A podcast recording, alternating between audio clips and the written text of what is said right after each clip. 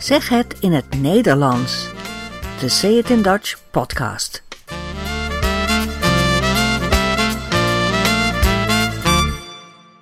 Nummer 25.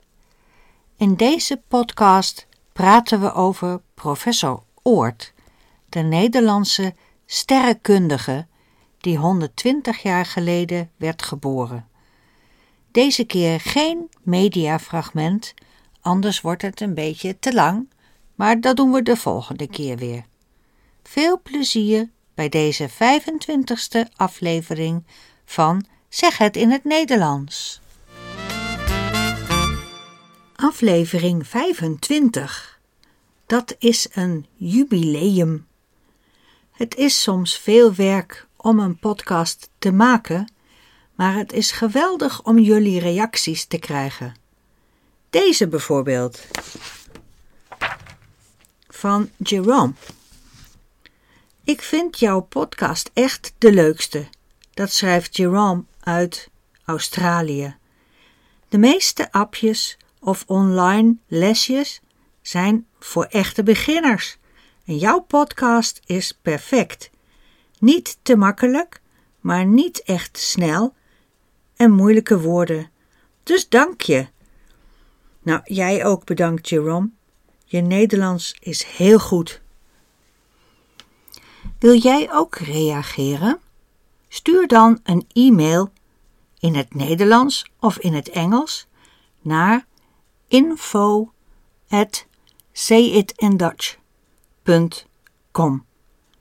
Ik kan niet alle berichten beantwoorden, maar ik lees ze wel. Leuk!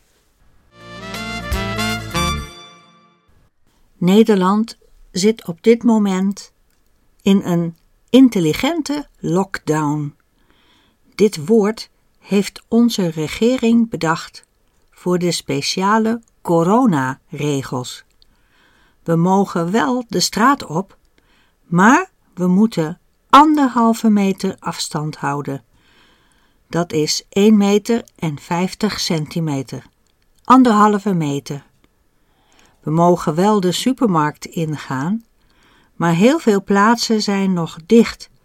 Alle restaurants, cafés, sportcentra, bioscopen, musea, theaters, ze zijn allemaal dicht. En kappers, beautysalons, pedicures mogen nog niet werken. We mogen nog niet naar kantoor gaan. We moeten zoveel mogelijk thuis werken. En we mogen niet op reis gaan. Geen evenementen organiseren. Geen festivals, geen concerten, geen feesten. Er zijn dus nu nog maar weinig plekken waar je iets leuks kunt gaan doen of wat je kunt bekijken in Nederland. En zelfs Koningsdag gaat niet door. Maar wat je wel kunt doen, je kunt naar de sterrenhemel kijken. Sterren en planeten kun je s'nachts met je eigen ogen zien, als er geen wolken zijn of mist. Nederland heeft een mooie geschiedenis in de astronomie en dan vooral in de radioastronomie.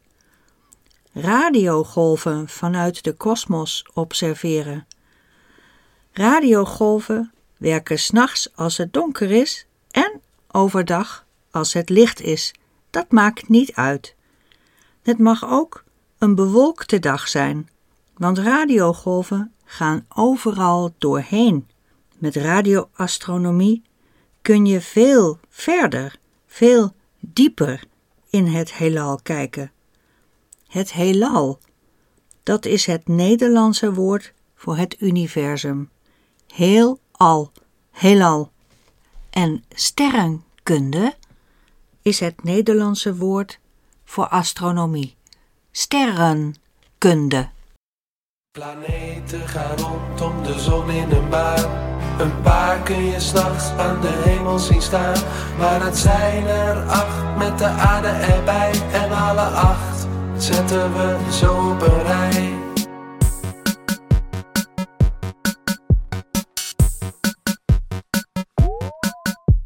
Mercurius is maar een kleine planeet die dicht bij de zon staat, dus is het er heet. Ook Venus is kokend en dat niet alleen. De dampkring is giftig, dus ga er niet heen. De aarde heeft water en lucht en goed weer. Dat is nergens anders, dus boffen wij zeer. Op Mars rijden enkele wagentjes rond, die uitzoeken of daar ooit leven bestond. Mercurius, Venus, de aarde en Mars, die vier hebben eigenlijk weinig bizars. Naar Jupiter komen dan enkel nog maar Saturnus, Uranus, Neptunus en klaar. Op Jupiter boet een reusachtige storm. Hij heeft een hoop manen en is echt enorm. Saturnus heeft ringen van gruis en van ijs. Ook manen erbij en het waait er. Er is met Uranus iets geks aan de hand. Die draait niet rechtop, maar die ligt op zijn kant. Het verst van de zon staat de achtste planeet. Zijn naam is Neptunus, de lijst is compleet. De volgorde weet je op deze manier. Mercurius, Venus en aarde staan hier. Na Mars komt Jupiter dan achter elkaar. Saturnus, Uranus, Neptunus en klaar. Planeten onthoud je op deze manier. Mercurius, Venus en aarde staan hier. Na Mars komt Jupiter dan achter elkaar. Saturnus, Uranus, Neptunus en klaar. We gaan het vandaag hebben over professor Oort. Jan Hendrik Oort. Dat is een Nederlandse professor die heel erg belangrijk is geweest voor de moderne astronomie, de sterrenkunde van deze tijd. Misschien heb je wel eens gehoord van de Oortwolk, de Oortcloud, waar de kometen vandaan komen. En Jan Hendrik Oort is de man die ontdekte dat de Melkweg ronddraait. De Melkweg, dat is de Nederlandse naam van Galaxy. Jan Hendrik Oort werd 120 jaar geleden geboren op 28 april 1900 in Franeker in Friesland. Maar daar heeft hij niet zo lang gewoond. Toen hij twee jaar was, verhuisde het gezin naar Oestgeest, vlakbij Leiden. Daar las hij boeken van Jules Verne, de Franse science fiction schrijver. Reis naar het middelpunt van de aarde of Reis naar de maan. En daardoor raakte Oort heel erg geïnteresseerd in sterren en planeten en de sterrenkunde. Hij kreeg op zijn verjaardag een kleine telescoop en daarmee zat hij avond aan avond te kijken naar de maan, naar Jupiter, Saturnus en de sterren. En toen hij zeventien was, ging hij natuurkunde en sterrenkunde studeren in Groningen bij professor Kaptein, een bekende astronoom van wereldfaam.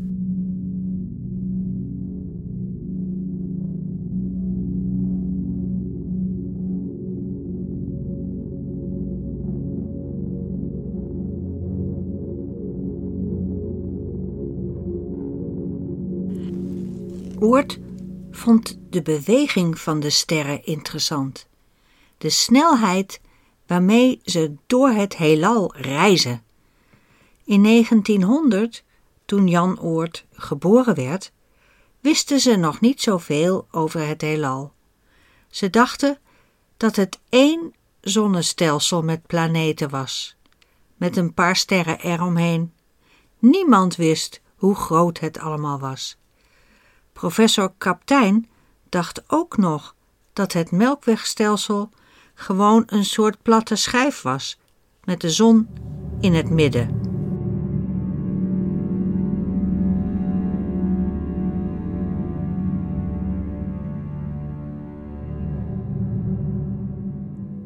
En toen kwam Jan Oort met de theorie dat de melkweg ronddraaide Sterrenkundigen hadden een groepje sterren waargenomen aan de rand van de Melkweg en een deel daarvan had een extra snelle beweging. Dat konden ze niet goed verklaren, maar Oort wel. Hij concludeerde dat het een rotatiebeweging was. De Melkweg was een draaiend stelsel, een roterend zonnestelsel, veel groter dan de platte schijf van professor Kaptein. En die theorie was revolutionair. Hier hoor je professor Oort zelf in een interview. Hij is hier bijna 90 jaar oud en vertelt kort over zijn ontdekking. Maar men wist dus wel dat dit, uh, dat dit wolkje van kapitein van Rijn een vrij grote snelheid had ten opzichte van het grote stelsel van, bol, van bolhopen. En, uh, maar wat men niet besefte in die tijd was, die, was dat die snelheid die je hier zag, dat die eigenlijk de rotatiesnelheid was van een veel grotere schijf, om zo te zeggen, die zich over dit hele stelsel uit, uitstrekte.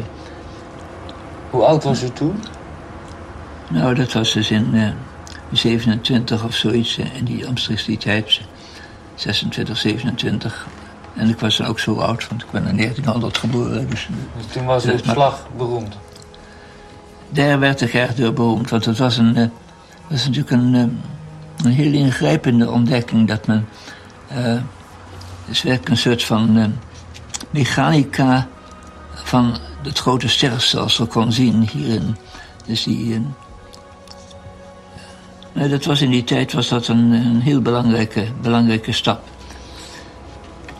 Maar het was voor mij toch eigenlijk onvergeeflijk dat ik er zelf niet eerder aan gedacht heb dat dit de oplossing van de zaak was. Dat je dus niet losse zwermpjes. Het lijkt erop alsof u zich dat nog steeds kwalijk neemt.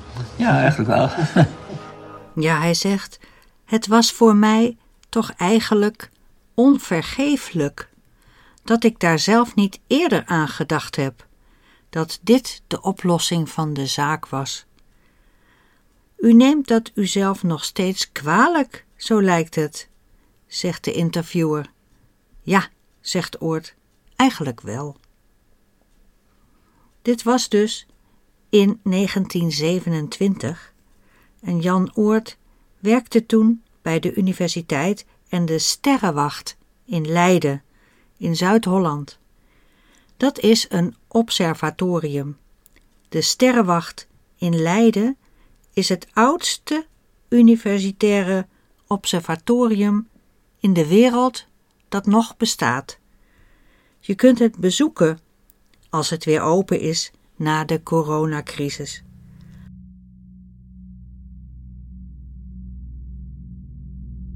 Toen Oort beroemd was geworden, kreeg hij uitnodigingen van Amerikaanse universiteiten, zoals Harvard, om daar te komen werken. Maar Jan Hendrik Oort bleef liever in Leiden. Hij woonde naast de sterrenwacht en daar kwamen allemaal sterrenkundigen uit alle delen van de wereld naartoe. Zij logeerden bij Oort in huis als zij onderzoek deden in de sterrenwacht. En zijn huis werd daarom een soort herberg voor astronomen uit de hele wereld. Oort kon gewoon thuis blijven om ze te ontmoeten en met ze te discussiëren over de nieuwste ontwikkelingen in de sterrenkunde. Dat was handig. Maar dan begint de Tweede Wereldoorlog en wordt Nederland door de Duitsers bezet.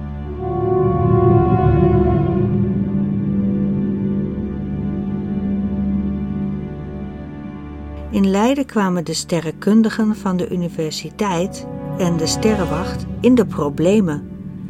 Er kwamen ook steeds meer strenge regels en Joden mochten niet meer in Leiden wonen of werken. Ze mochten ook geen lid meer zijn van de wetenschappelijke academie. Ze mochten niet meer publiceren en daarmee ging veel kennis verloren. Er was ook geen contact meer mogelijk met Amerika. Dus kon professor Oort geen informatie krijgen over de nieuwe ontdekkingen.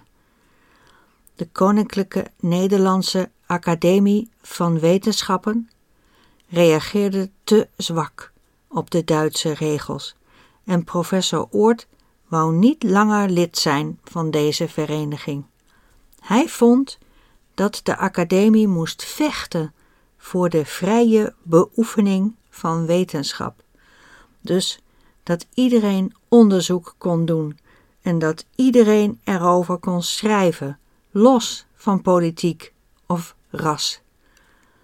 Dat bracht hem natuurlijk in de problemen en in 1942 vluchtte hij uit Leiden weg naar de Veluwe, een natuurgebied in het midden van Nederland.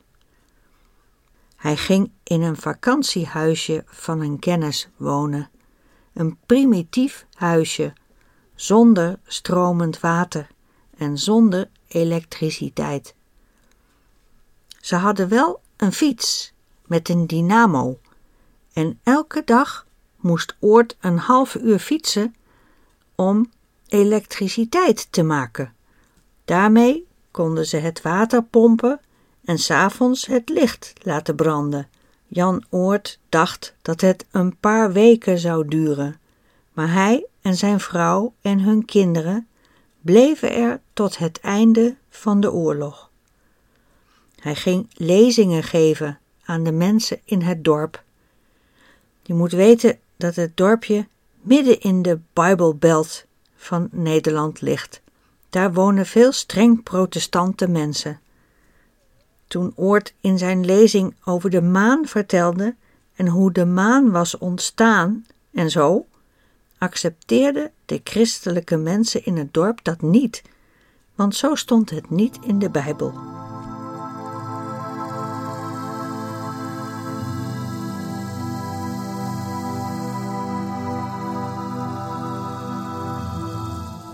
Oort las heel veel en hij schreef veel artikelen in het vakantiehuisje. Hij kon natuurlijk geen onderzoek doen. Hij zat te denken over het probleem dat hij niet ver genoeg in de melkweg kon kijken naar de beweging van sterren. Er waren te veel gaswolken, er was te veel stof. Daardoor kon Oort zijn sterren niet goed zien. En toen las hij een artikel over een Amerikaanse radioamateur. En die had radiostralen uit het heelal gemeten. Toen Oort dat las, realiseerde hij zich dat radiogolven geen probleem hebben met stof of met gaswolken. Die golven gaan daar gewoon dwars doorheen. Dus in plaats van kijken met je ogen, met een optische telescoop, kon je gaan observeren met een radioantenne, een grote schotel van kippengaas met een versterker erin.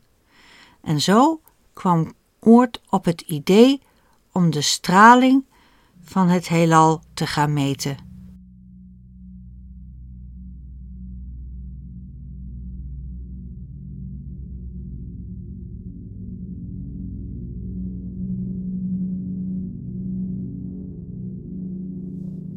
Na de oorlog kwam Oort terug in Leiden. Hij ging samenwerken met Utrecht en de PTT, dat is de post, de telegraaf en de telefoon, en met Philips. Er stond nog een radarantenne die de Duitsers aan het eind van de oorlog hadden achtergelaten. En daarmee ging Oort zijn eerste onderzoek doen naar radiostraling vanuit de ruimte. Dat ging goed. Tijd dus om een echte radiotelescoop te bouwen. En in 1956 kwam de eerste echte Nederlandse radiotelescoop in het bos van Dwingelo te staan, in Drenthe. Een schotel met 25 meter diameter. Koningin Juliana kwam de telescoop openen. Ze drukte op een knop en de telescoop draaide precies naar één belangrijke bron in het heelal. April 1956, de officiële ingebruikstelling. Zou u op deze knop willen drukken, majesteit?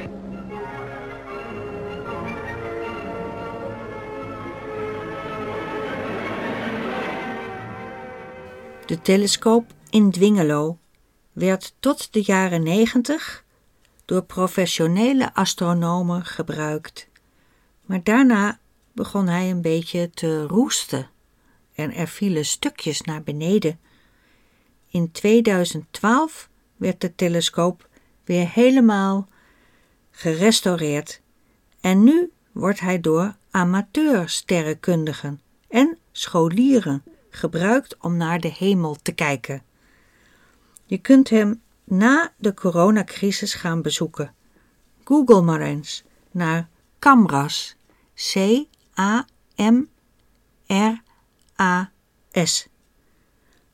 Amateurs kijken op een andere manier naar de sterren dan professionals, vertelt een oud filmjournaal uit 1961.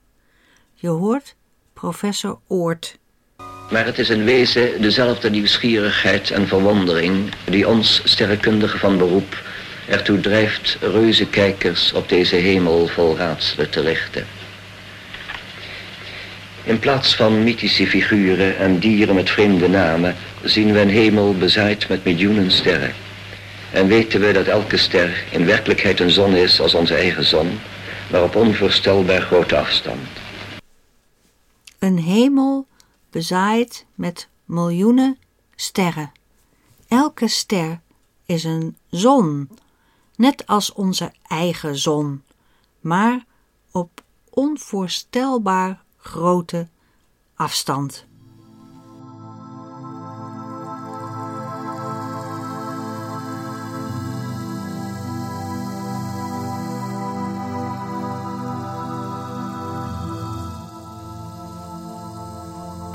1970 kwam er een hele rij radiotelescopen in Drenthe in Westerbork. Dat is dit jaar precies 50 jaar geleden. Een rij van drie kilometer lang, van oost naar west, die als één grote antenne werkt. En deze telescoop van Westerbork werkt nog prima en er zijn veel speciale antennes bijgebouwd, zoals LOFAR, een grote internationale groep antennes in heel Europa. Google maar eens op Astron LOFAR met een F, LOFAR.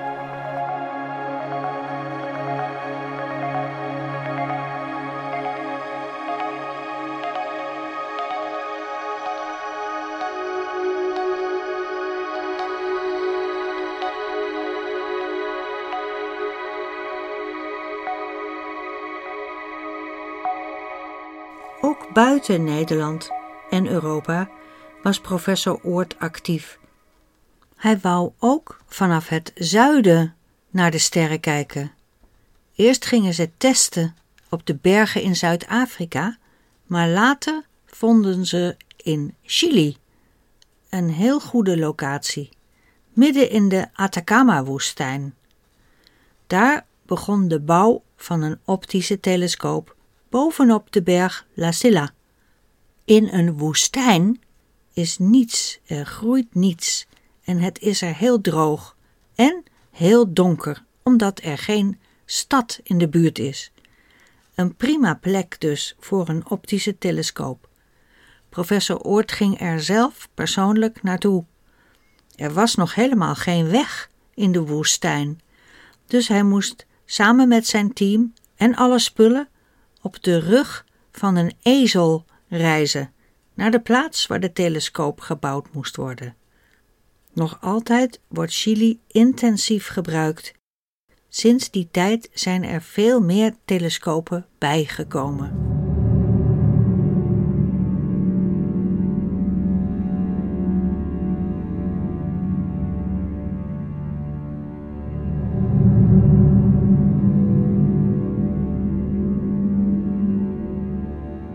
Optische telescopen zijn gevoelig voor licht, maar radiotelescopen zijn gevoelig voor elektrische storing.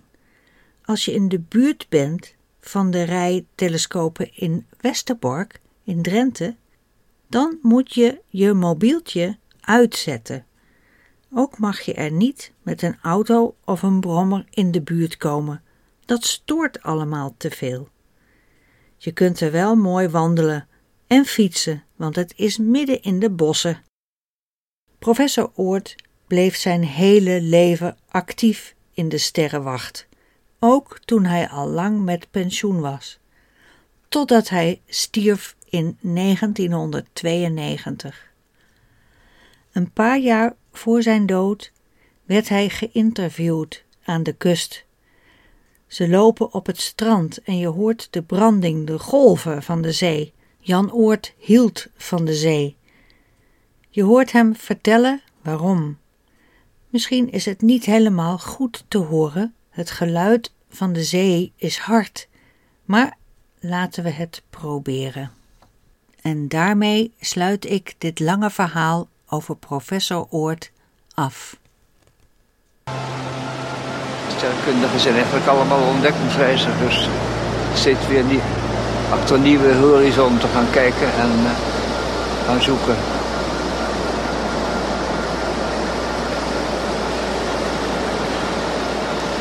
En de zee vind ik altijd fijn. En dat je zo het gevoel hebt dat je, dat je eindeloos ver, uh, ver kunt gaan. Hè?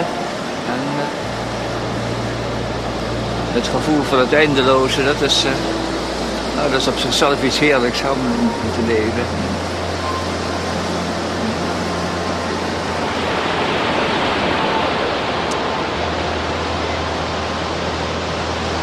Maar ja, dit soort horizon is iets wat je meer direct aanspreekt.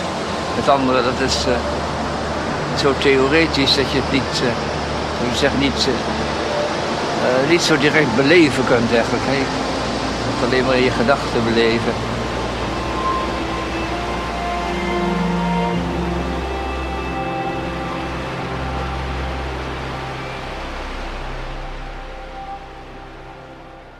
We zijn aan het einde gekomen van deze podcast. Wil je reageren? Stuur dan een e-mail naar info@sayitindutch.com. Omdat dit de 25ste aflevering was, is het transcript van deze aflevering helemaal gratis. Joehoe! Je kunt het transcript downloaden via www.dutchidiom.com www.dutchidiom.com Tot de volgende keer.